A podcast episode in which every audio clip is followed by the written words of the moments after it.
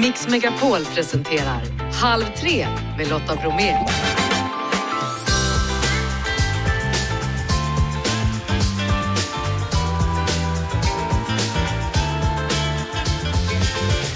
Hallå där och varmt välkommen in i Halv tre-studion. Helgen är här och i dagens fredagsmix äventyraren, idrottaren och Let's Dance Aron Andersson berättar i ny bok om sitt liv och sin andra chans.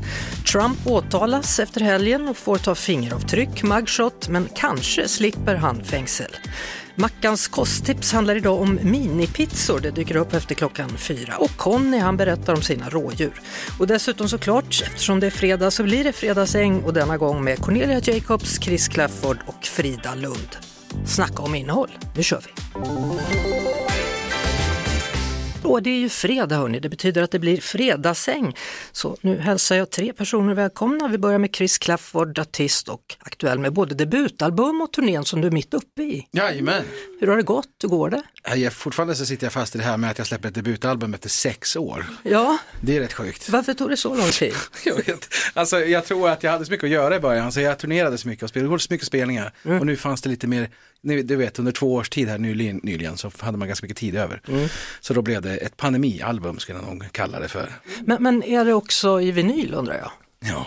Jaha, hur känns det? Det, Det måste lukta gott i. Ja. men alltså när jag höll i den här första gången, det var så här, och så tog jag tillbaka till en liten pojk uppe på vinden hemma hos mamma och pappa. Mm. Där jag stod och höll i de här pudelrockkillarnas vinyler från 80-talet. Och man bara, fan vad coola de här är. Och så Ja. stod jag och höll i min egen vinyl med något annat slags hår. Och det var, nej, magiskt. Vi går till vår nästa musikperson då, Cornelia Jacobs, aktuell i Songland i kvällens avsnitt faktiskt. Jajamän. Hur har du haft det sen senast? Eh, bra, precis jag åkte till Hawaii. Mm, Vi pratade Hawaii. och då skulle Ja. jag dit. Jag åkte dit själv först, eh, lite drygt en vecka, det var jättespeciellt eh, och kul. Eh, men man gick omkring, det är ganska speciellt att vara helt ny i en stad ju. Och man, kan, eh, man lär sig mycket om sig själv och det var väldigt spännande. Jag satt och proddade, eh, vilket var inte för att jag behövde utan för att jag fick lust och det var väldigt viktigt för mig. Så vad betyder det? Att vi har något att vänta från dig också i form av album? I det kan man säga. När kommer det då? Tanken är att det kommer i oktober. Jag hade tänkt att göra det till maj men sen kom den här Songland-grejen Grejen, som ja. jag inte Mm. kunde säga nej till för att jag tyckte det lät som ett så bra koncept att Mm. ha ett program om låtskriveri och så tänkte jag men jag gör det samtidigt och sen så när jag hade varit där första gången så kände jag okej det här kommer jag behöva, eller det här kommer jag vilja sätta hela min själ i så att då Mm. eh, förflyttar vi det så att man inte går sönder. Kommer också du göra vinyl då? Eh, bra fråga, jag tror det. Du, du, du, du är så himla ung, jag vet inte, minns du att det fanns vinylplattor? Jag har massor av vinyl hemma Lotta. Vad bra, massor. Ja. Ja. till och med en vinylspelare faktiskt. Alltså, där, ja. Den visst. bästa veckan heter din nya bok, Frida Lund, välkommen. Tack så mycket. Recept från tidig morgon till sen kväll, du tycker vi ska njuta dagligdags. Ja, alltså, ja, lite. Lite? Nej men inte varje dag, det orkar man inte, då blir man utbränd. Men man kan ju njuta några dagar i veckan. Ja, vilka dagar väljer du att njuta på då? Eh, men idag är det fredag, Mm. det är trevligt. Det är mycket trevligt. Då vill man njuta lite Det extra. vill man faktiskt. Jag måste fråga er, jag har undrat vart våren tog vägen och ni vet det finns ju så här artificiell intelligens nu för tiden så jag beslöt mig för att kolla den jag har hemma i morse. Hej Google, när är det vår? Vår, norra halvklotet, började måndagen den 20 mars 2023 och slutar onsdagen den 21 juni svensk tid. Ja. Ja, Lögn. ja. Kul för dem. 20 mars Vilka då. då? Ja, det är vi. Det är vi här då. De kände att det var... Det är en jävla lögnare det där Ja. ska jag säga. Verkligen. Sa du det till henne? Ja, man, kan, ja, ja, man kan inte lita på artificiell intelligens. Nu är, det, nu är det bevisat. Jag känner det. Eller är jag någon annan av annan åsikt? Nej, verkligen inte. Men jag har hört på Gotland så säger man att det, tar sju, det kommer sju liksom, motgångar, sen kommer våren på riktigt. Mhm. Hur många har vi haft nu Chris? Har du räknat? 40. Ja, jag vet inte riktigt. Men, men jag har ju varit en sån som inte har haft någonting emot av att få ha lite extra snö och sådär. Men, men nu så faktiskt eh, har jag bott i hus för första gången nu i ett år, snart ett år. Och nu vill man liksom få bort det. Mm. Ja. Alltså jag tycker faktiskt att den största grejen är ju ljuset och det är ju stor skillnad nu. Bara att det blivit ljusare tycker jag man blir piggare. Det är gladare. sant. Och nu hörni, det här bråket kanske är det största bråket vi har haft i detta land på väldigt lång tid. Sverige hade vunnit med 5-0 över Azerbajdzjan. Det är EM-kval. Alla är jätteglada och, och så går det bara fel när vår förbundskapten ska träffa en av de som sitter i studion, Bojan Djordjic, efter matchen. Jesper Karlsson är glädjande. Ja. Min fråga, jag vill inte vara för negativ, men åtta minuter på två matcher. Ja. Hur är tanken med honom med tanke på att han är i sin livsform? Han ger det någonting Nej, jag vet extra. inte om han är i sitt livsform. Han har gjort en bra sista månad. Innan han var skadad fem månader förra hösten och sen så gjorde han knappt några poäng. Alltså, nu har han varit på sista månaden. Han har varit jättebra innan också. Sen kan vi diskutera val av spelare och det kan vi hålla på med hela jävla natten. Jag Ursäkta tänker mig. din syn på honom. Ja, ja. Jesper ändå, Ja, det är inte Men du populistiskt tycker, men, men, jag du, tycker nej, att han är fantastisk. ska, då ska inte Alexander Isak eller Viktor Gyökeres, vem ska inte spela då? Ja, men jag pratar Vem- om att vem- åtta vem ska minuter, inte spela? Åtta minuter på två matcher, Ja, men vem ska det, inte det är för spela? lite Vem- vem- vem ska inte spela? Alltså, det är ingenting personligt. Nej, men ska inte spela. Cornelia, Ja. du har inte hört om det här så Nej. det är första gången du hör det. Ja, Ja. det låter som han har PMS. Väldigt grav och ganska mycket förtryckt. Eh, Ilska kanske? Ja, exakt. Eller stressad också. Stress kanske. Men du, det där var bara början, för sen hände det här. Du har representerat 10 miljoner människor. Men vad är, och du vad hoppar på representerar någon du som är yngre Vad än dig. representerar du? Ja, Sverige såklart. Varför ska jag inte göra det? Fan. Vad? Vad är det för grej då? Varför, vi- vad ska du säga någonting Grattis, annat? bra, bra. Vi, Varför? Vem ska Du har representera varit tränare, du, du har ju varit tränare och varit högsta Ja, nivå. du har ju massa- spelat fotboll på högsta nivå, eller hur? Vem ska jag representera annars? Vilket annat land? Serbien, vill du säga det eller? Är det det vad du Nej. försöker säga? Janne, Janne och Bojan, nu dåligt, Janne. Det är slutar jävligt vi. dåligt svar faktiskt. Bojan- Vilka representerar Janne-? Janne Jag representerar dig lika mycket som alla andra. Ja. Det här var det och lite till, men vi, det räcker nu. De har rätt ut det här nu och träffats ska vi säga. Men hur, hur reagerar vi svenskar när det blir ett sånt här bråk Cornelia? Vi är ganska ovana vid det, är vi inte? Så mycket känslor. Alltså, det var, Du ser helt chockad ut här. ja, men jag, jag är det. Jag är verkligen chockad. Jag fattar inte varför. Eh, varför? Nej, för att det var en spelare som hade fått för lite speltid, Ja, men- tyckte den ena. Ja, Och så den andra tyckte vi ska vara glada för vi vann med 5-0. Ja. Ja. Men jag fattar inte varför man behöver eh, bråka på det sättet. Eller ja, prata Ja. i mun. Jag fattar ingenting. Nej. Men, eh. Nej, det var- Det här är någon många som inte gjorde det. liksom, stridens hetta också. Ja, man bara verkligen. flänger ur sig grejer. Man, Alltså så kan det ju bli ibland. Alltså, Ja, alltså, absolut. bara backa tycker jag. Så här, nu, nu skiter vi det, så backar man istället. Ja, och han, stackars programledaren, han stod där och gjorde sådana här time-out-tecken, men det, det lugnar ju inte ner sig liksom. Nej. Frida, så, har du sett det här eller har du bara Eh, ja, det? men jag reagerade också väldigt mycket på att det står ju typ tre killar till bredvid som inte säger något. Nej, Som inte liksom, för det var ju kacklig stämning. Det Ja. kändes ju verkligen läge och eh, att gå in och bryta. De har ju Ja. first row seat med popcorn. Det fan inte de säger någonting. Ja, ja, det har ju varit mycket debatt kring det Ja, det har efteråt. varit väldigt, väldigt mycket debatt. Det var lite förvirrande när man inte såg samtidigt, jag säga, så att jag kände mig lite Det var lost två- av den anledningen Det var också. bara två personer ska du veta, Ja. som förde så mycket oväsen. Men det fina i kråksången det är att man faktiskt kan ja, make sant. up sen. Det är det som är Ja, så fint. Ja, man kan bråka så in i helvete för att sen bara, nej jag ber om ursäkt. Så det är ju befriande på ett sätt att han, de skiter i att det är kameror och så. Alltså Ja. det är skönt också på ett sätt. Men eh, jag bara förstod typ inte någonting. Jag kan förklara, jag kan, vi kan ta en kopp kaffe sen ska jag förklara för dig hur det gick till. skönt Ja. Jag har inte hängt Det med är på den här alltså- fotbolls... Chris Clafford, Cornelia Jacobs och Frida Lund som hänger med oss i Halv tre med Lotta Bromé. Och strax då, ja då handlar det om helt andra saker. Eh, Cornelia Jacobs, Chris Clafford och Frida Lund finns med mig detta fredagshäng. Och eh, Cornelia, du nämnde ju det att du är med i det här nya SVT-programmet Songland. Vad är det du gillar? Jag skriver musik. Eller, ja, precis. Det är, mm, jag älskar att skriva musik och det här var ju en, är ett program om just låtskriveri. Eh, och sen är det, var det ju på ett helt nytt sätt. Jag är van att eh, skriva from scratch, liksom att ha ingenting och skapa någonting. Och nu så kom det, kommer det ju då låtskrivare och presentera någonting som eh, på ett eller annat sätt eh, man ska gå igång på och sen så tillsammans med panelen och en själv och låtskrivaren så tar man det vidare till att, och så skriver klart liksom. Är de duktiga de som kommer? Ja, gud, men det är ju såklart jätteolika. Alltså, eh, och framförallt ol- väldigt olika låtar. Och det är också så svårt att grada med, för det är olika smak och genrer och allt vad det Men, men vet de när de kommer att du ska sjunga en av låtarna? är. Eh, ja, det antar jag att de vet. Jag tänker att de ändå har lite koll på vad, vad du gillar att sjunga. Men det... Ja, fast jag tror inte att de visste vem det var till när de skickade in dock. Okej. Eh, Så att det är lite så, det är speciellt för att man måste ju då transformera grejerna till att bli eh, Cornelia Jacobs kompatibla och något som jag skulle kunna, som jag skulle vilja framföra. Liksom. Mm. Chris, vad, vad tänker du? Behövs det fler låtskrivare i Sverige? Vi är ju jävligt duktiga på det här med att skriva musik va. Eh, det är klart man kan ha fler och fler, det är, det är väl the more the merrier, eller hur? Mm. Eh, och jag stöter ju på alltså, kontinuerligt nya människor som jag tycker är så jävla talangfulla. Eh, så att det, det, det behövs fler. Bra att det samlas upp då. Ja, Så ja, kan man se det. absolut. Ja. Och ett kul program. Jättekul. Ja, Jag har inte sett det än, jag är supernervös. För just det där, det är så mycket material som ska klippas ner, de har sån makt när de sitter Ja. och klipper. och ikväll är det sånglar men det är också Masked Singer idag. Frida, brukar du titta på det? Nej, Nej. sköt ner direkt.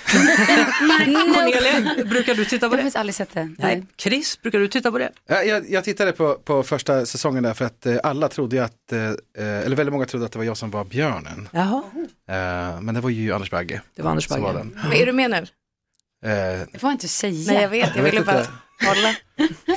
Du är en liten jävel, sitter där. Försöker lura fram. Nej, men jag, nej men jag är inte, jag är inte med. Nej. Apropå att luras då, jag måste bara säga det, imorgon är det första april. Mm. Vad är ditt bästa aprilskämt? Eller något som du har gått på, Frida? Jag har ingen aning, håller folk på med det där fortfarande? Ja, alla håller på.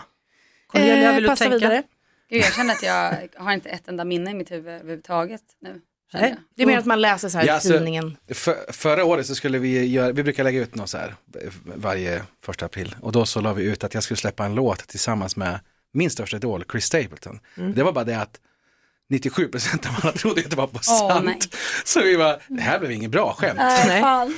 Eh, Så det, det Det var ju en typ det. komplimang dock, att han, de kände att det var rimligt. Nej, inte vet jag, det, i min värld är det inte rimligt överhuvudtaget. Nej, Men, men eh, vi får se. Vi får se vad som händer. Det är snart dags igen. Ja, nu ska vi se vad ni, hur, hur bra koll ni har på utrikespolitik då. Har ni Oj, koll på är, det är att, stora svängningar att här. ja, här svänger det hela tiden. Har ni koll på att Trump nu ska inför rätta på tisdag? Jajamän, det har jag läst lite grann om. Ja, vad men tänker du? jag är inte påläst. Nej, men han ska dit och ta mugshot, fingeravtryck, Ja, det är hela... eventuellt för, för bedrägeribrott för att han har betalat pengar från sin kampanj till en porrstjärna som han hade en affär Eller med. Stormy Daniels-grejen. Japp. Ja, exakt. Ja, vad, vad tycker man där? Det vet jag. Alltså, Man är inte chockad, är man ju inte. Det känns ju bara som att han kommer glida förbi det där som han gör med allt annat. Tror du det? Jag hoppas inte, men Nej. det känns ju så. Ja. Det är liksom makt. ja, ja. många skrattar nog bort mycket av det. Bara så här. Mm. Men speciellt bara hans sådär. anhängare, de Men har- tycker väl typ så här, "Woho, gud vad häftigt. Men det är väl det som är läskigt eftersom Ja. man uppmanar dem att protestera nu och börja bråka Nej, men- så att han inte når fram till okej, men- domstolsbyggnaden. Nej, då kommer det säkert bli så, om man tänker på hur Kan vara. det har varit. Jag har Ja, tänkt på det, på det här med så här, alltså, måste en president vara skitgammal? alltså varför ser man aldrig en president som är liksom så här, "Ja, han är 47? Men de får Men det väl är inte bli det? eller hon är, Eh. eller, vad är det så? Jag tror att det finns en, en, en lägsta ålder som är ganska hög. Och den är typ alla 75? Ja men alltså det- typ. Nej men alla är ju alltid så här 80-ish. Ja. Eh, Nej, men de kan vara yngre. Ja det kan de. Det kan de men, jag tror att den är hög faktiskt. Men jag, men jag tror också det är så att i det landet, till skillnad från här då, så, re, så respekterar man ju äldre människor på ett annat sätt. De får ju vara med, de räknas ju med på ett annat sätt. Mm. Här går väl politiker i pension i Sverige också, utom Alf Svensson. Han var ju med ett tag. Ja, Ja, exakt. Men det är svårt att ta liksom en 80, alltså Biden, han, man vill ju säga, åh, typ, ska jag hjälpa dig framåt? Biden. Ja. Nu Fysiskt har i alla fall Jimmy Fallon som är en komiker i USA, han har gjort en speciell låt då med tanke på att Trump nu då ska inför rätta. I'm so indicted, and I just can't hide it. I'm about to go to jail, and I don't like it. I'm so indicted, and I just can't hide it. I know, I know, I know, I know, I know. I am so screwed. Six Feet Under med Smash Into Pieces som kom trea i årets melodifestival då. Det är Mellohäng med Chris Clafford, Frida Lund och Cornelia Jacobs. Du gillar den där låten, har du varit med och hängt med med årets melodifestival? Absolut. Ja, Ja, jag tyckte den där var skithärlig. Fram, alltså, som vi sa, vi reagerar på samma den här post-refrängen. Jag får sådana Evanescence, eh, Linkin Park, eh, Blink, alltså den tidens Mm. eh, nostalgitripp, underbart. Eh, Frida Lund, du har ju precis släppt den här boken då som heter Den bästa veckan och om man nu skulle följa alla dessa recept så blir man ganska mätt har du sagt. Ja, Ja. Det var väl mer än så hon sa va? men lite varning kanske. Lite varning, men lite då och då. Ja, Ja. verkligen. Vad är det som kan sätta kant på, på en måltid för din del? Men, alltså främst är det ju umgänget. Alltså att samtala med folk över borden. Alltså det är en intimitet som är eh, det finaste man kan ge till någon, tycker jag. Att liksom göda folk med mat och dryck. Mm. Eh, det är där vi får liksom alla djupa fina samtal. Det är kul, det kan vara stökigt, bullrigt. Ehm, och att bara typ lägga lite, lite manken till. Ibland, man behöver inte göra det varje dag. Det är en massa småbarn som ska ha fiskpinnar och falukorv och skit. Men annars, liksom när man bjuder över folk, bara gör det lite extra mysigt så öppnar det upp till fina samtal. Tycker du om att laga mat med andra? Nja, alltså... Det brukar inte vara så, man vill gärna göra det själv. Liksom. Ja, precis. Alltså, jag vill ju gärna vara en person som bjuder in. Mm. Men jag, jag Men sätter, jag sätter dig det. med ett glas vin och sen så står jag och fibblar. Liksom. Jag gillar att bli satt med ett glas vin och eh, sitta och prata med den som lagar. Ja, perfekt. Så ser det ut hemma hos oss. Det är Ja. skitnice. När ska ni ses då? Ja, men exakt. Vi får boka en dejt. Ja. Ja, underbart. Då får du mat den dagen Ja, också. exakt. Underbart. Hörrni, vi börjar närma oss eh, slutet på detta fredagsäng. Stor ära att ha er här. Frida Lund med boken Den bästa veckan, Cornelia Jacobs som vi kan se i Songland på SVT ikväll Jajamän. och Chris Clafford som sin vana trogen har med sig gitarren. Ja, i- eh, ni bad ju om det så fint så tänkte jag, men det är klart som fan jag tar med den. Ja, jag är Ja. så glad nu att man ska få höra livemusik. Ja, ska vi, ska vi ta någonting? Det gör vi. Ska vi göra? Så nu ska vi se hur det blir att låta med en mick här, men vi, vi gör någonting bra av det. Det blir bra. Vi tar eh, titelspåret till mitt album då, som heter Maybe It's Just Me. Ja, lite högre upp va? Tror du det? Tror det, så man har lite Så. mer av din röst. Ja. I'm getting tired going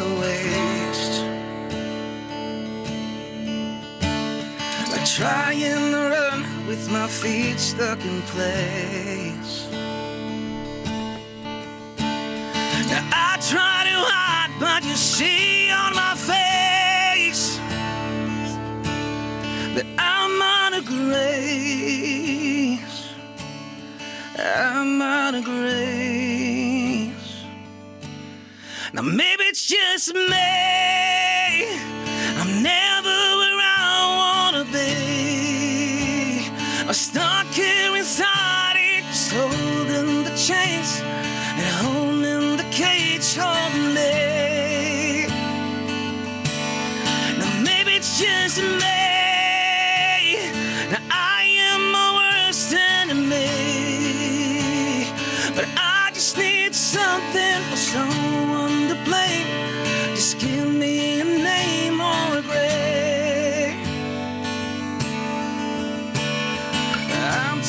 terrified of who I could become. And it's hard to be proud of the battles I won. I can't take the time to just stand in the sun I say that I'm wrong. Say I've been wrong. Just me.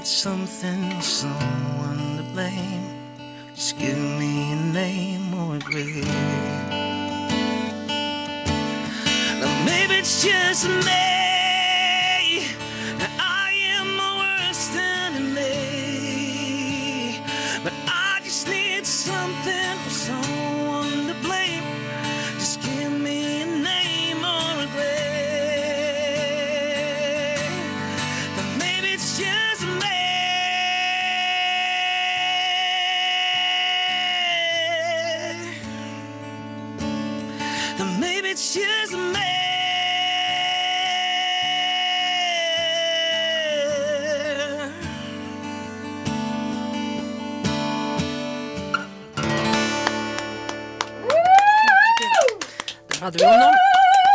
Där hade vi honom, Chris Clefford med Maybe It's Just Me som är titelspåret då från nya albumet. Stort tack hörni! Ah, Tack själv. Vi ses snart igen. Halv tre med Lotta Bromé på Mix Megapol. Nu har han kommit in i studion. Aron Andersson, varmt välkommen! Jo, men tack så mycket, kul att vara här. Hur är läget? Jo men det är bra tack, jag tr- träffade Chris Clefford här precis. Vi, vi gjorde ett jobb för massa år sedan för Barncancerfonden. Och här är ju fotbollströjefredag här i studion ser jag också, så att, ja, Ja. Det är lite synergier här, roligt. Så är det. Eh, vad ska vi kalla det för då? Ska vi lägga till författare numera också då? Förutom att du är en föreläsare, äventyrare och idrottsman. Ja, man kanske får göra det. Jag har ändå kommit upp i fyra böcker nu. Så, så att det, då får man väl ändå kalla sig författare också tycker jag.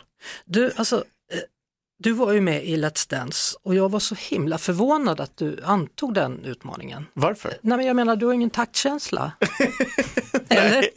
Nej, det har jag faktiskt inte. Nej. Jasmin fick så här, när, när jag skulle liksom, göra något visst move så fick hon så trycka lite på min axel, bara okej nu ska jag göra den här armen eller vad det snurrar eller vad det är. Så, här.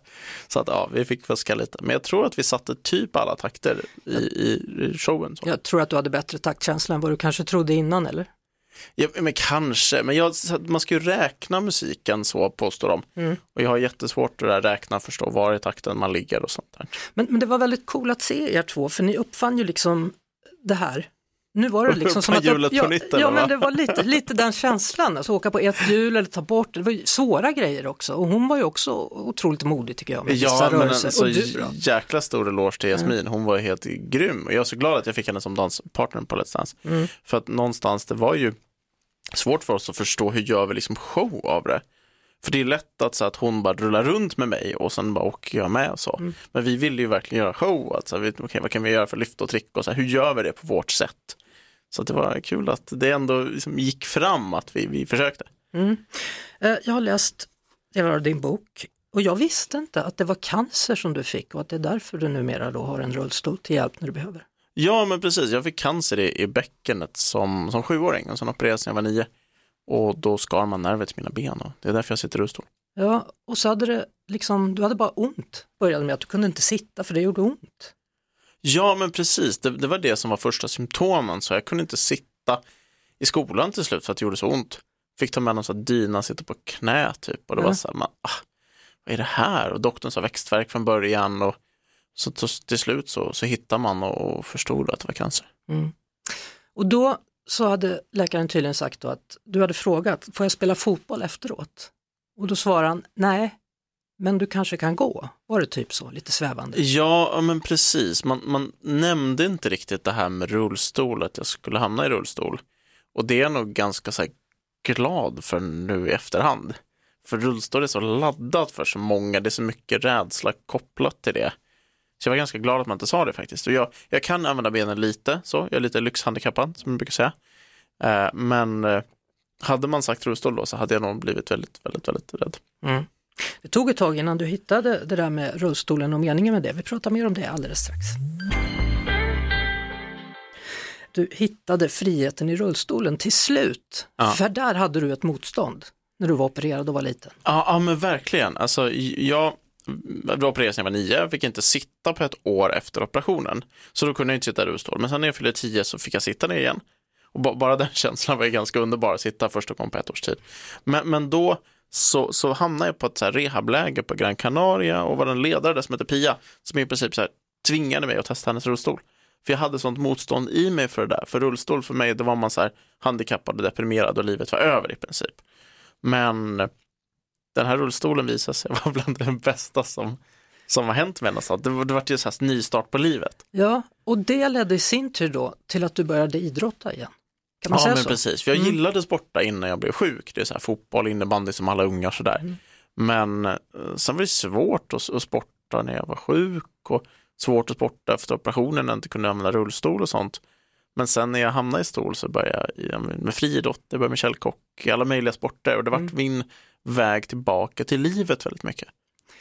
Hur många medaljer har du tagit? Jag vet inte. Ett det gäng är va? många. Ja, det är väldigt många. Ja, men typ så här 10 junior-VM-guld i friidrott, Ja, VM-guld i segling och så massa medaljer. Alltså, Mm. 20-tal kanske. Men du, säger, du, du skriver ju då, rubriken på det här är Livet gav mig en andra chans. Mm. Och när jag läser boken, då får jag reda på att du har drabbats av cancer fler gånger. Ja, den här jävla dessutom. sjukdomen kommer tillbaka. Ja. Och tyvärr är inte det helt ovanligt så. När man väl har fått bort huvudtumören så händer det att cancern kommer tillbaka. I mitt Mm. fall, som du säger, lungorna. Och, och man hade tur, man hittade de här metastaserna tidigt så man kunde operera bort dem. Och i det där man, skedet så fick mina föräldrar i princip ett så att så här, dödsbesked, det kommer inte gå det här. Det brukar inte sluta bra. Vi har sett det här hända många gånger innan. Men på något sätt så hade jag jävla tur. Hade du det eller är det så att du inte ger upp? Det är många barn där ute som inte ger upp, som inte klarar det ändå. Liksom. Så Mm. att jag tänker att jag hade tur. Ja, det är ju väldigt tufft för att är man barn och utsätts för en cancerbehandling så måste man ju stråla nästan över gränsen.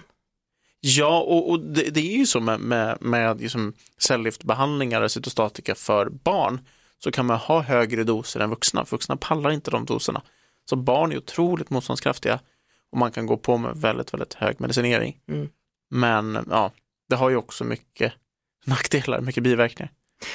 Eh, du skriver ju om många olika saker då, men bland annat att du ofta får frågan hur skulle du vara? Hur skulle du leva om du inte hade suttit i rullstol och fått den här cancern och de här händelserna? Och då säger du ja, då kanske jag skulle leva ett liv där den trasiga kaffemaskinen var den största dosen av adrenalin på dagen. Jag vet inte, alltså det där är så otroligt svårt att veta. Det, det är lite som det här att jag vart ju äventyrare för att jag varit utmanad av min kompis Johan och gå upp på Kebnekaise. Och, och hade jag inte tagit den här fikan med honom och han hade utmanat mig att göra det, då kanske jag vet inte vad jag hade varit idag så. Det är alltid alla dessa små så här, vägskäl i livet, eller små eller stora vägskäl, Mm. avgör ju så mycket var man till slut hamnar så. Ja, då kanske du åkte till skogen i Sverige istället för att åka till Svalbard.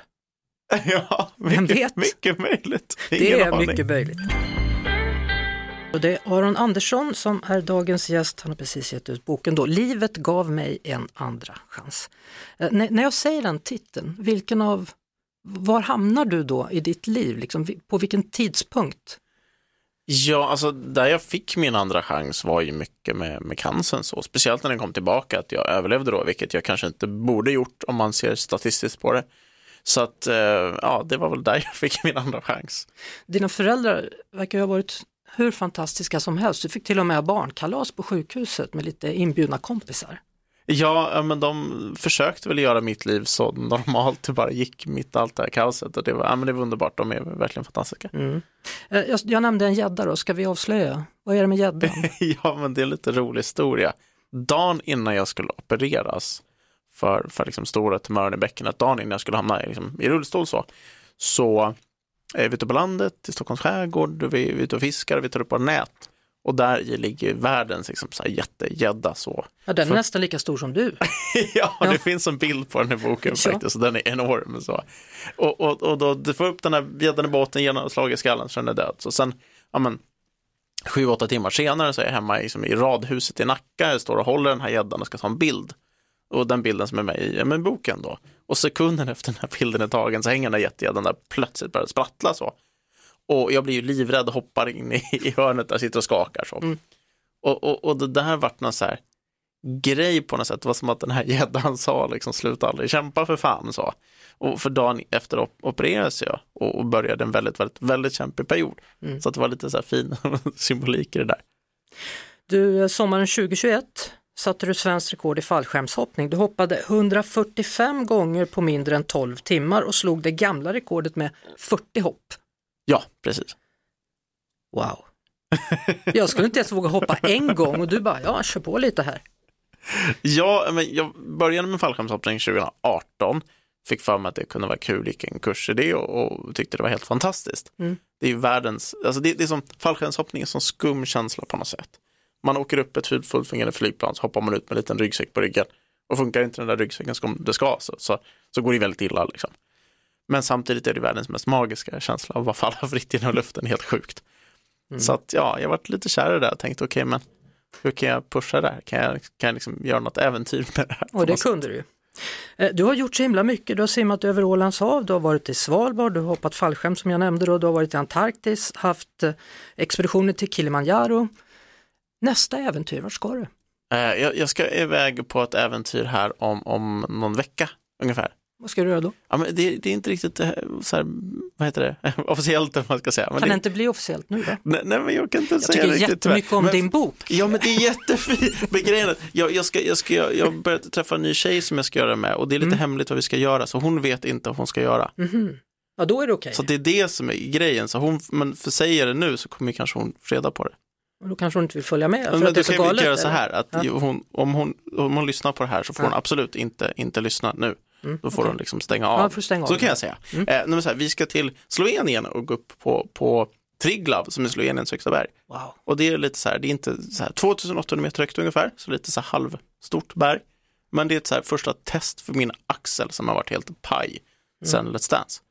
Så det är mitt första riktiga äventyr sen dess, så det blir ganska lagom så. Det blir spännande. Du frågar om jag tycker om boken. Ja, det gör jag. Jag tycker Mm. väldigt mycket om boken och jag tycker också om att du vågar berätta att det inte alltid är så förbaskat lätt. Nej, och, och det är väl lätt att, som, jag har ju det till den så här, vad heter det, auran eller vad man ska säga så här. Du vet man är positiv och glad, man bara kör på. Och så tror väl folk att men man har aldrig dåliga dagar, livet är bara på topp hela tiden för den där jäveln liksom.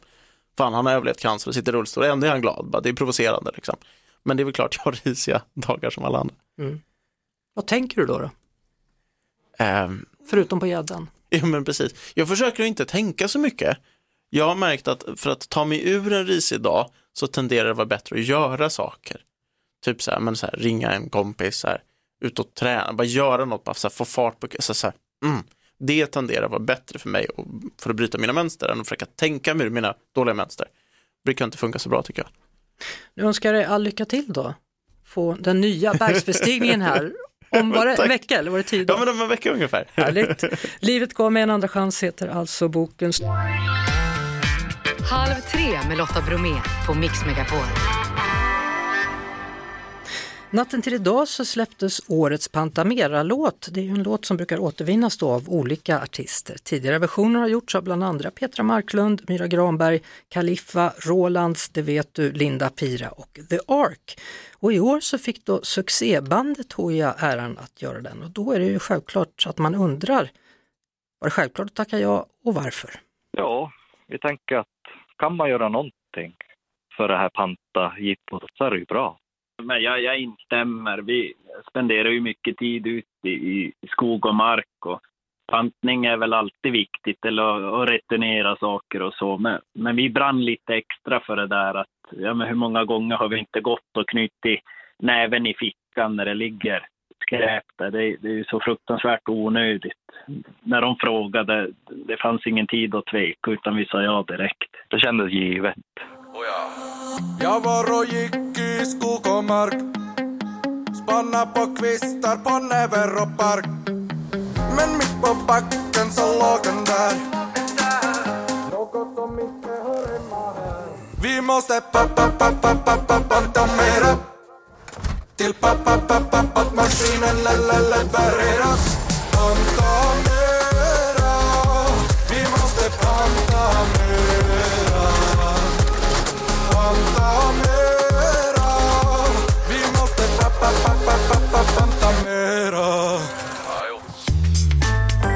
Halv tre med Lotta Bromé på Mix Megapol.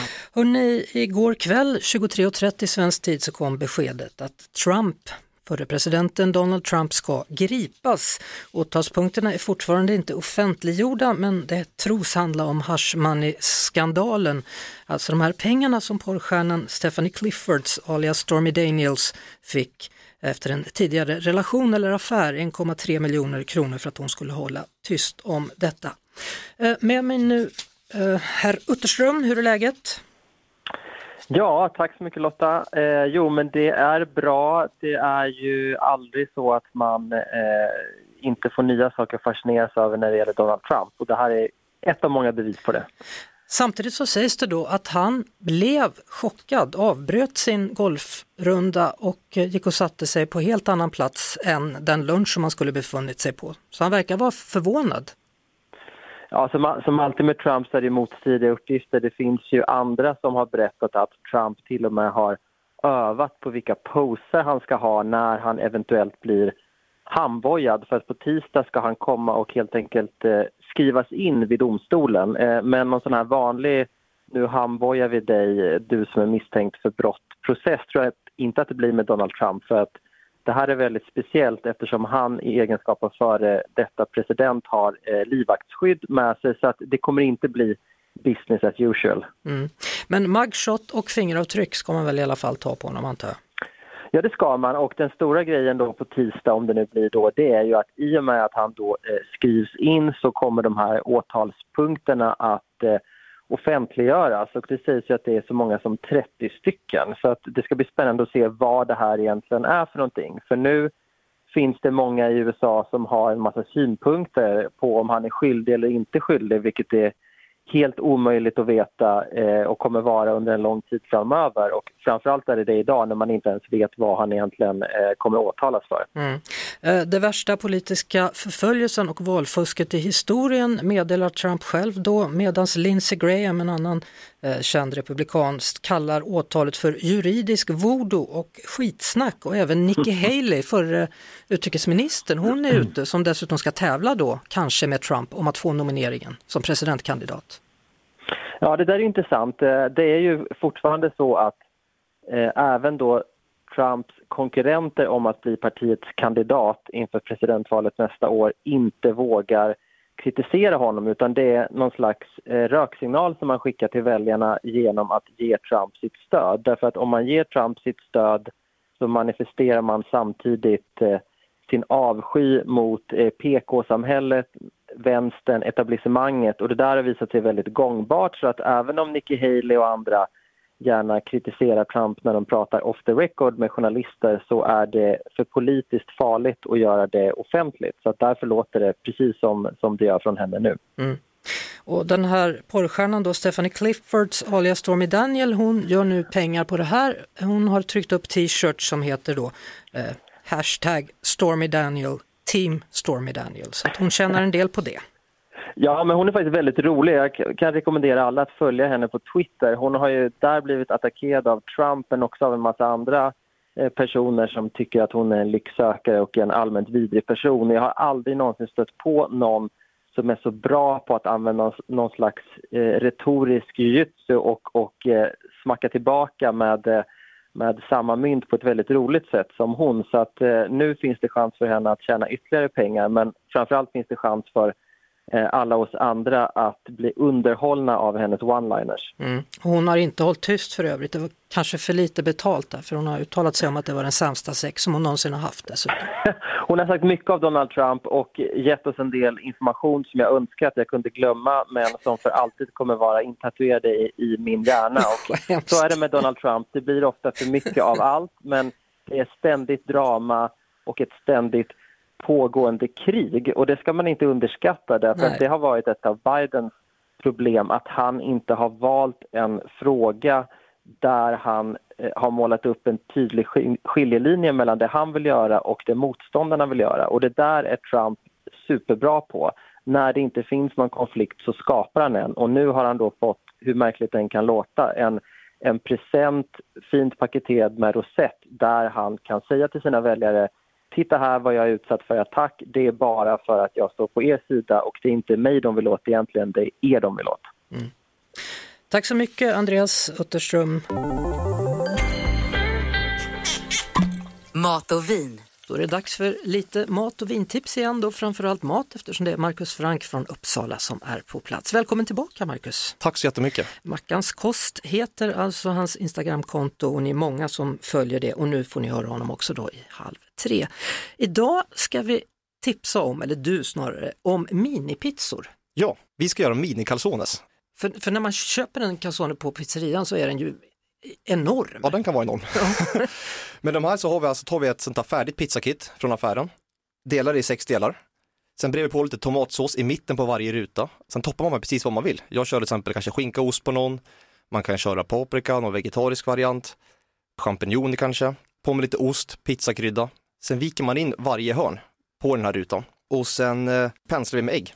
Och sen gräddar vi ungefär 15-20 minuter. Och sen har vi ett gäng riktigt goda mini-calzones. Och det är perfekt att ha då, istället för kanske fredagstacos. Ja, Eller om man har någon bjudning av något annat slag. Precis, och det är lite så här roligt sätt att göra den här klassiska hemmagjorda pizzan lite roligare, men på ett väldigt enkelt sätt. Och det var också kul att göra tillsammans med barnen. Det är lagom liksom komplicerat att alla kan fylla sin egna lilla ruta med vad man tycker är gott och sen så skickar man in det i ugnen. Ja, absolut. Och sen så kan, om man då har gjort som du föreslår, att man kan ha olika smaker, då är det ju faktiskt så att man kanske kan ha två sådana här små var, eller? Mm. Är det så du kommer på de här idéerna, att du tänker att är det något jag kan göra med barnen? Ja, och framförallt kanske att de ska tycka att det är gott liksom och att det ska funka. Man ska hinna med det liksom när man har hämtat på förskolan, alla är hungriga, det ska gå snabbt, det ska vara lätt och det ska vara gott. Ja, men då kan man göra ganska mycket med lite så smidiga alternativ. Och veckans smidiga alternativ blev alltså minipizzor denna vecka då. Små calzones med Marcus Frank. Vi ses och hörs igen om en vecka och då ska vi ta oss in i påsktiden. Ja, det blir kul. Det blir det. Halv tre med Lotta Bromé på Mix Megapol. 79-årig Conny Möller han har på sin gård i Sörmjöle som ligger utanför Umeå matat vilt i 43 år. Besökarna har främst varit nyfikna rådjur då men de senaste åren så har det även kommit en del kronhjort. Eh, Men det kan bli dyrt det här för de äter ganska mycket. Men Conny fortsätter envetet att mata de här djuren. Hallå där! Hej, Lotta. Tjena Conny, hur är läget? Jo tack, det är bara bra. Jag, jag är lycklig för att prata med dig, min idol. Jaha, vad härligt, tack så mycket. Och du har tydligen bra hand med mina skyddsdjur, det vill säga rådjuren. Ja, och sen har jag fått kronhjort på köpet också. När börjar det här? Jag flyttade ju upp från Skövde och Skultorp på det här för eh, 43 år sedan drygt och eh, svärfar mat hade bara ett par rådjur som han matade så jag tog över. Men här växte det sen till både 25 och 40 rådjur och eh, nu de sista åren har det dykt upp massa kronhjortar så det brukar jag ha 25 stycken just plus rådjur då 26. Så det är som en djurpark här. Verkligen, vad, äter de för någonting då? De äter eh, renfoder i första hand. Förr var ju det ett aktivt jordbruk runt omkring här uppe och eh, då fick vi ju och köpte utav bönderna krossat korn. Det var ju bra priser. Men nu, nu är det mest renfoder jag köper. Så då kostar det en del då? 400 kronor säcken. Ändå då så fortsätter du? Ja, du vet, det, jag har växt upp med att eh, de blir som kompisar och de kommer hit och har lärt sig. Fast de vandrar härifrån på våren nu, kanske 15 mil, 20 mil härifrån. Och ändå står de här på hösten om igen. Varför jag vet det, det är för jag var med i ett projekt med Uppsala universitet och vi märkte rådjur och då, därför vet jag att de gick iväg den här bilen. Ja. Hur mycket foder går det åt då varje år och vad äter de? De får ungefär en säck eh, på 25 kilo varje dag. Vid två tillfällen, jag ger dem på morgonen klockan sju och sen eh, vid lunchtid för då kommer det inte kronhjorten ner med en gång utan då får rådjuren vara lite för sig själva. Och så har han en hemlig låda till rådjuren. Det är som att de har lärt sig det här, vi luras lite också för då, då det är bara rådjuren som går bakom till ett ställe bakom en vedbod och äter för sig, för sig själva. Lägger du i godsaker där ibland eller? Ja, absolut. Äpplen och potatis och sen ger de, eh, och köpt eh, tulpaner, det älskar de också. Men de äter aldrig upp mina tulpaner i trädgården inte. De svarar de. De vet, de har hyfs. De har verkligen hyfs. Har du döpt dem också eller? En del. Det är en som står, och han står nästan så jag får gå med honom ut till utfodringen. En liten bock. Vad heter han? Jag kallar han för Jocke. Bocken Jocke. Ja, en bocken Jocke. Men det är många bockar och det. Och, och kronhjorten är lite skyggare. De står några meter längre ifrån mig. Men de, de, när jag går så är de inte som springer direkt. Men de går lite avstånd har de. Nej, men du har verkligen lyckats få kontakt med dem. Det är klart du inte kan sluta med det här. Nej, det, när jag flyttade hit upp då var det första gången jag blev älgjägare. Så jag har varit med i älgjakten till för några år sedan. Men jag har aldrig, aldrig jagat rådjur och kronhjort. Men nu kan du väl inte jaga när du känner dem? Nej, aldrig, aldrig, aldrig. Det gör jag inte. Jag säger inget att de andra, men bara de får ju inte jaga här jag har utfodringen eller runt omkring. För det är ju inte schysst. Du får väl ge dem en bild på Jocke också så inte han försvinner. Ja, precis. Jag hade nästan velat spraya lite färg på honom. Någon illröd Gör det. färg. Ja, så han får vara i fred. Ja, precis. Ja du Conny, jag får önska dig och din fru en trevlig helg då så får du hälsa till bocken Jocke. Och Ja. de andra kompisarna. Absolut. De, de blir jätteglada när de får höra ifrån Lotta. Ja men vad härligt. Då säger vi så. Ha en bra Ha dag. skön. Detsamma. Hej. Vi som har jobbat med programmet i veckan, vi heter Jeanette, Janne och Jeff Neumann. Det är de tre Gina och sen så är det Lotta och Albin dessutom. Missa nu inte i helgen då Myslund och Anders Bagge imorgon lördag och sen på söndag då Sarah. Söndag med Sarah Dawnfiner. Fortsätt lyssna, vi hörs igen på måndag tills dess. Ha en fin helg. Ett poddtips från Podplay. I fallen jag aldrig glömmer djupdyker Hasse Aro i arbetet bakom några av Sveriges mest uppseendeväckande brottsutredningar. Går vi in med hemlig telefonavlyssning och, och då upplever vi att vi får en total förändring av hans beteende. Vad är det som händer nu? Vem är det som läcker? Och så säger han att jag är kriminell, jag har varit kriminell i hela mitt liv men att mörda ett barn, där går min gräns. Nya säsongen av Fallen jag aldrig glömmer på Podplay.